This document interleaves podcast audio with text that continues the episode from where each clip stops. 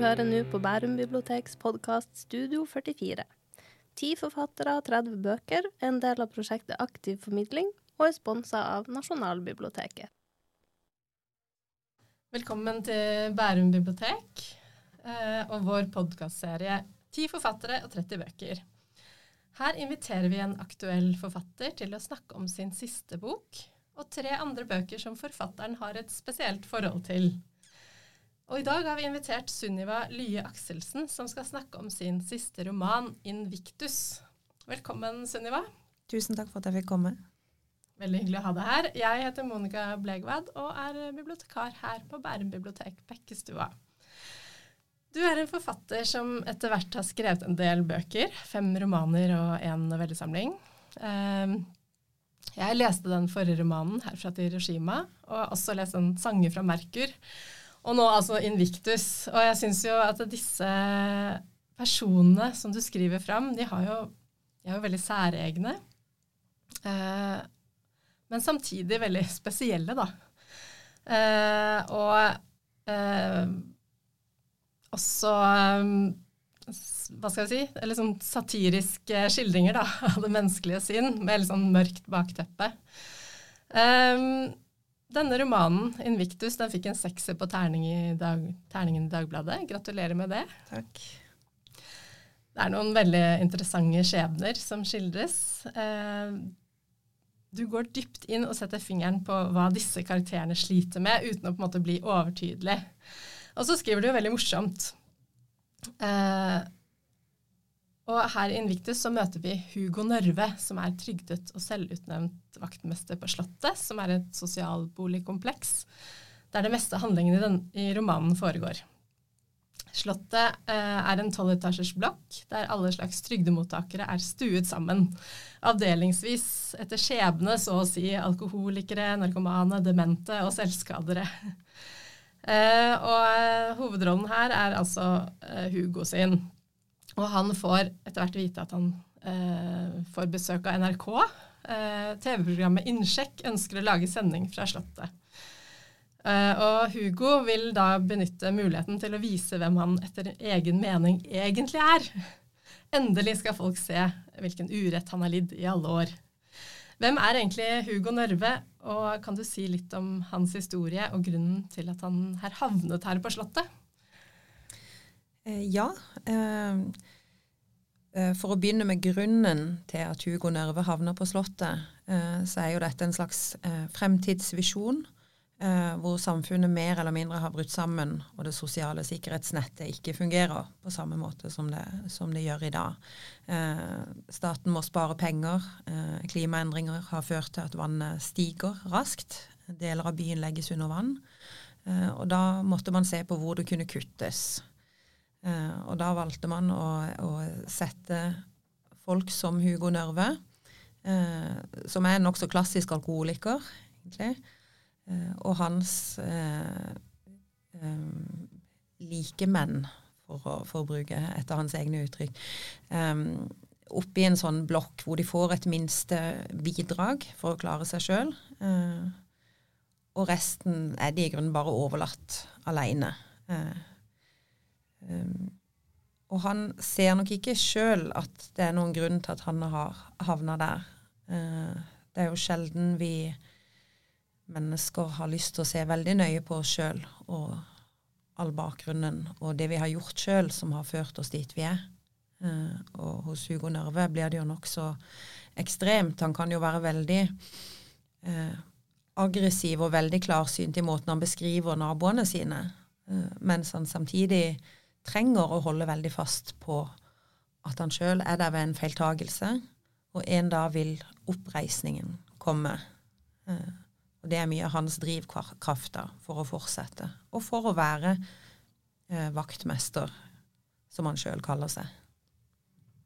Ja, for det er jo eh, Vi får jo vite veldig mye om hvordan Hugo ser seg selv. Mm. Eh, men så er det liksom gjennom glimt så er det tydelig at det er ganske mye han på en måte utelater da, fra eh, fortellingen. Um, eh, men har han, mister han bakkekontakten underveis, eller er han på en måte i liksom selvbedrag hele veien? Altså, eller er det noe punkt hvor, som liksom får han til å ta helt av, da? Eller har han det på en måte i seg fra før? Uh, ja, som, som, rusmisbruker så er jo Hugo uh, ramma av dette her uh, syndromet, kaller jeg det for, hvor man er både stormannsgal og maktesløs uh, på samme tid. virkeligheten slik den egentlig er, blir veldig vanskelig å ta inn over seg. Um, men han har jo et veldig stort ego og veldig lav selvtillit samtidig. Uh, og da blir jo virkelighetsanskuelsen deretter. Um, men, men, det humper og går, og, og, Hugo går og sparkler og drikker og, og, og holder liksom ting ved like. Um, men jeg vil jo si at han får seg jo en stor knekk når han får dette store håpet. Uh, fordi det er på en måte egoet hans uh, som, uh, som, begynner å vokse i takt med forventningene om at nå skal han få oppreisning, nå skal han bli vist frem uh, som det flotte, driftige mennesket han egentlig er. og da har han veldig mye håp, han har veldig mye visjoner for hvordan det kommer til å bli, og at alle andre skal få vite hvem han egentlig er, og hva han er god for. Um, og så sammen med stadig eskalerende rusmisbruk, eh, så vil jeg jo si at det blir nokså katastrofalt for han. Mm. Uh, ja. Uh, hvordan, uh, hvordan, fikk du egentlig ideen til å plassere et reality-program inn i denne boka, og et reality-program som ligger veldig tett på et tilsvarende program fra det virkelige NRK? Hvordan kom det til deg? Eh, nei, det var jo dette her med håp igjen, da. Mm. Altså, Fortellinga trenger jo en drivkraft. Um, og Hugo kan ikke bare gå og sparkle og drikke seg gjennom en hel roman. Det, det klarte i hvert fall ikke jeg. Um, så han trengte et eller annet spark, han trengte en bevegelse. Og han trengte jo veldig å bli sett. Og så begynte jeg bare å tenke hvem er det som Hvem, hvem er det som ser uh, mennesker som strever, og hvem er det som viser dem fram, og hvem er vi som seere? Hvorfor, hva er det vi er interessert i å se når vi ser på et sånt program? Og dette programmet er jo så klart eh, Det er jo satirisk. Det er en parodi på et eksisterende programkonsept. Eh, men det handler jo om dette med, med nærhetsjournalistikk. Eh, og Hugo i begynnelsen er veldig irritert på hele konseptet. Han kaller det et drittprogram, rett ut. Fordi han mener det handler om journalistens følelser og ikke intervjuobjektene. Men han blir jo nokså raskt eh, dratt inn i den tanken at her kan jeg dra nytte av dette her. Her er det noe for meg å hente. Og da har han ikke disse samme følelsene i det hele tatt lenger. Da, da kommer de veldig i bakgrunnen. Mm. Ja, så han, eh, han, han, eh, på en måte bedrar seg selv, egentlig, da. Uh, uh, gjennom dette håpet, som du sier. Uh, men hva betyr invictus, egentlig? Det er jo latin 'uerobret' eller 'uovervinnelig'. og det spiller jo på, på tittelen til et ganske kjent dikt av Henley, som handler om å stå oppreist gjennom all motgang. Eh, selv når, selv når, døden er veldig nærme, så har du ikke trengt hjelp eh, fra noen. Du har aldri bøyd nakken. Du har aldri gitt opp. På et vis så kan man jo si at det handler om tapperhet. Eh, at det handler om å, å, å være sterk. Men personlig syns jeg jo også det er veldig mye ensomhet i det diktet. Jeg syns det virker veldig ensomt å skulle måtte stå oppreist alene mot hele livet og hele tilværelsen. Det er noe gudløst uh, over det. Som jeg syns virker veldig ensomt og, og veldig trassig. Og kanskje unødvendig, men like fullt så, så er vi jo ofte sånn at vi, vi skal ikke gi oss når det er noe vi ser for oss, eller noe vi mener er riktig, eller noe vi mener vi fortjener. Da er det vanskelig å gi opp. Mm. Ja, altså Hugo er den som faktisk står alene, da. Eh, og egentlig på en måte står veldig hardt på at han ikke trenger andre, Mm. Og vil vise seg bedre. Um, jeg syns jo du er veldig dyktig til å skrive alvorlig eh, og satirisk. Eh, og det siste er kanskje nesten det viktigste. tenker jeg. Altså, det er liksom det som driver denne romanen framover, og den er veldig morsom, denne boka. Hvordan er det du jobber liksom, med teksten? Hvordan er det du får fram disse karakterene og handlingen osv.? Eh, nei, jeg, jeg er ikke noe strukturert forfatter, så jeg vet sjelden hvor jeg skal okay. Ok. når, når det begynner. Um, men eh, tanken om Hugo Nørve kom fordi jeg ble kontakta av Emil Finnerud i Gateavisa, som ville ha et lite stykke uh, på ca. en side til å publisere der.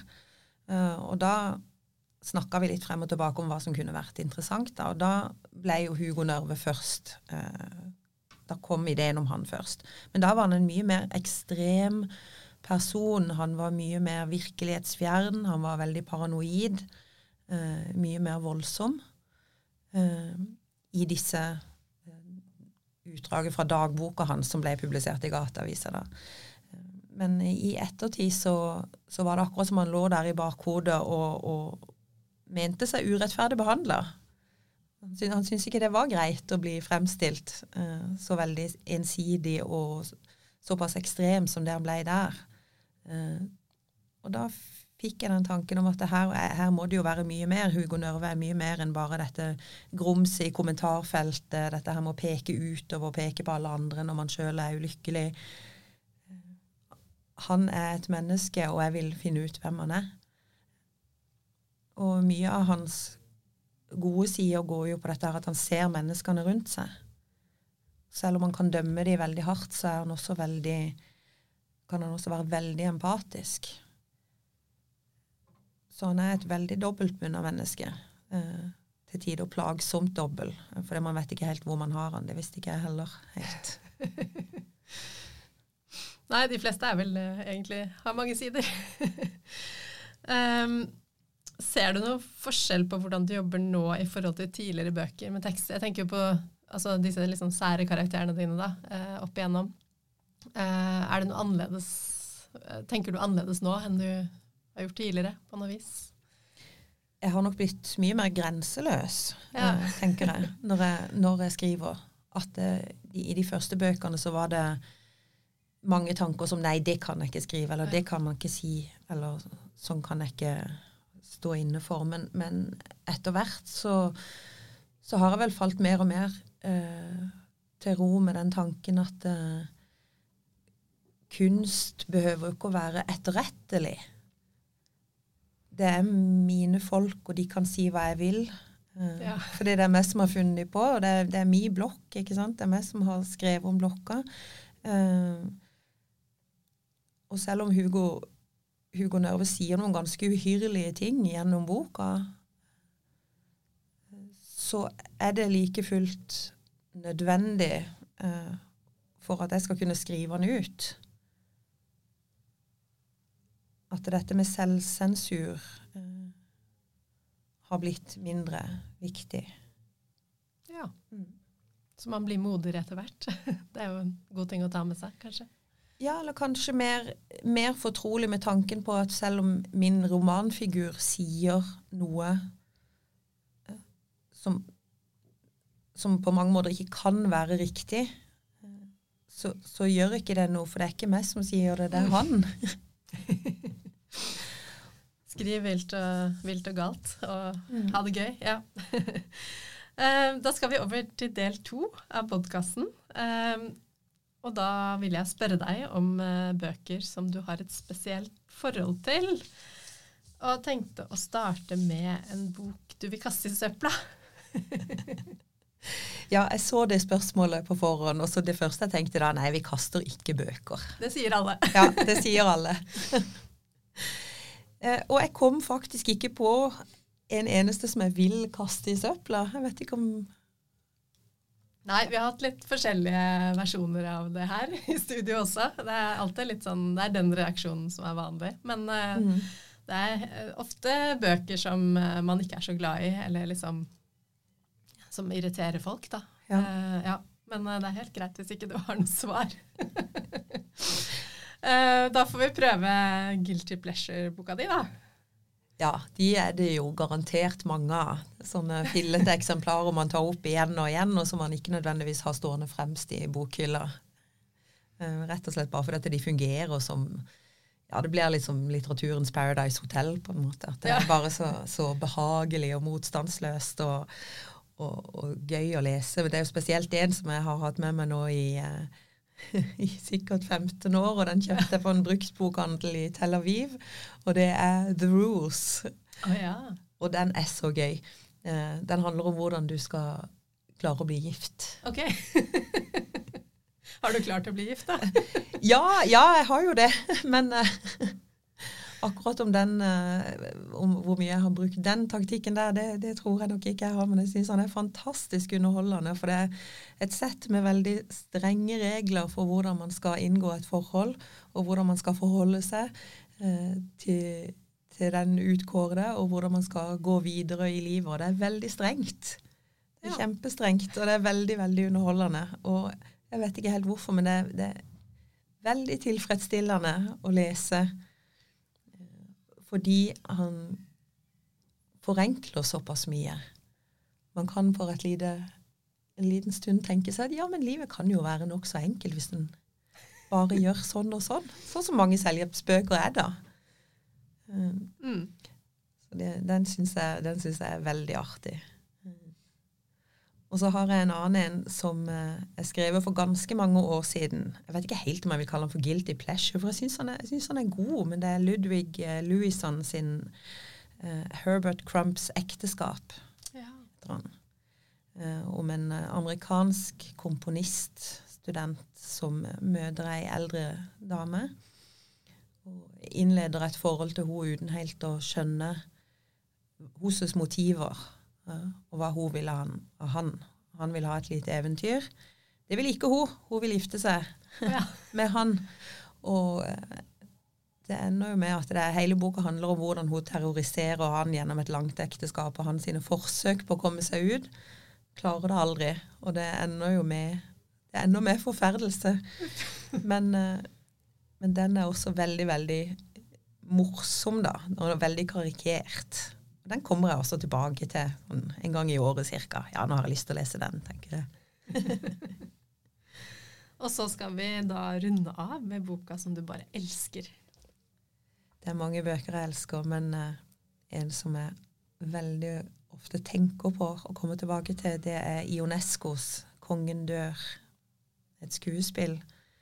Eh, blir, Ionesco blir jo ofte kalt en absurdist, men jeg tror han foretrakk å kalle seg sjøl en slags humorist, eller at han skrev spottende teater. Jeg er veldig glad i teaterstykker og lese teaterstykker, kanskje fordi jeg er så glad i å skrive dialoger sjøl.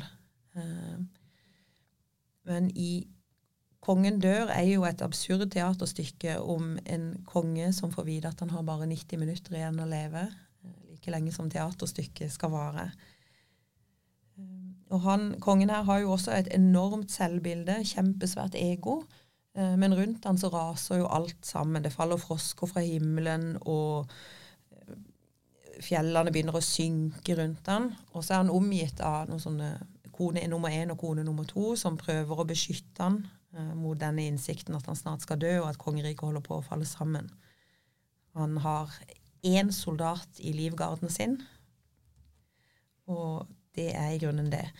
Eh, men den, den handler jo egentlig om hvordan vi går døden i møte, og hvordan vi må møte det vi tenker er uakseptabelt.